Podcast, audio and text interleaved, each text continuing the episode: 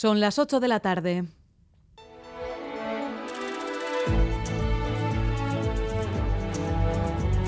En Radio Euskadi, Gambara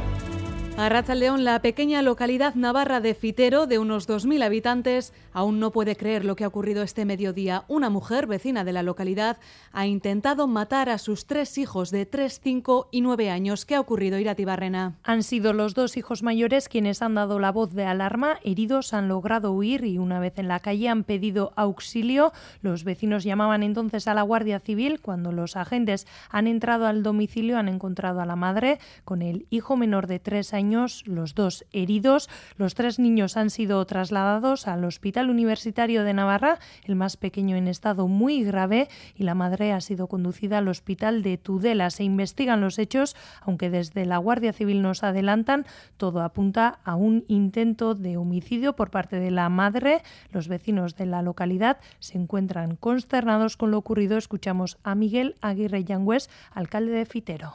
Pueblo de 2.000 habitantes donde poco más de 2.000 habitantes, donde este tipo de circunstancias nunca esperas que ocurran, ¿verdad? Siempre lo ves en la televisión, nos ha tocado ahora, y consternados, preocupados, evidentemente.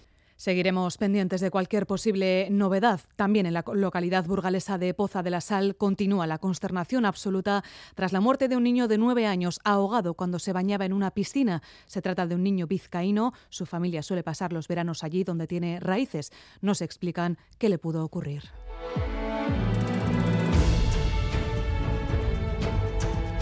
Y finalmente se podrá votar por correo hasta mañana viernes a las 2 de la tarde. La Junta Electoral Central ha decidido ampliar el plazo, que en principio terminaba esta noche, a petición de correos porque aún hay miles de papeletas pendientes de recoger y porque muchas personas han solicitado que la documentación les llegue a una vivienda diferente a la que habían dicho en un principio, a la de veraneo. Y esto ha supuesto un retraso. Recordamos que hoy las oficinas que tienen horario de tarde estarán abiertas hasta las 10 de la noche.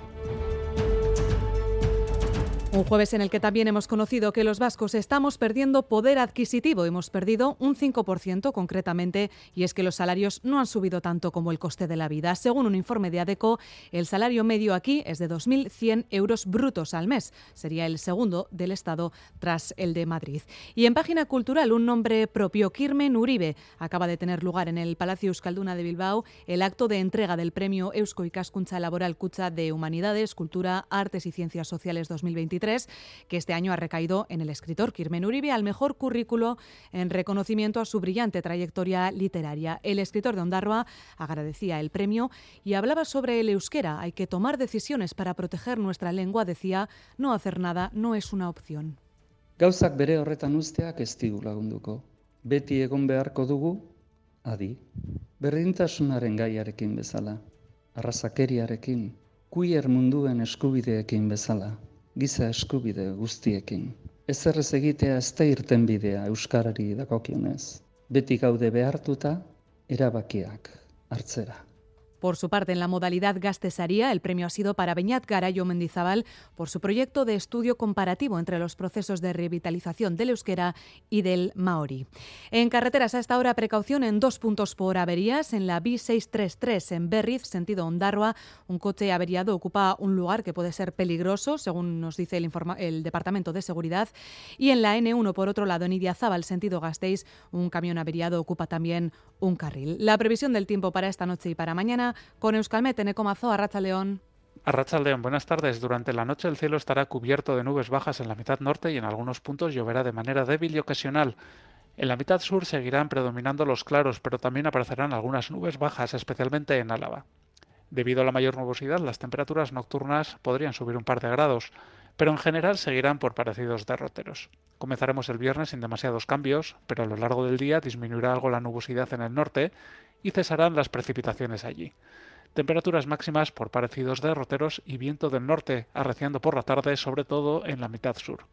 Un saludo de Ainhoa Iglesia y de Miguel Ortiz y Arancha Prado en la dirección técnica. Son las 8 y 4.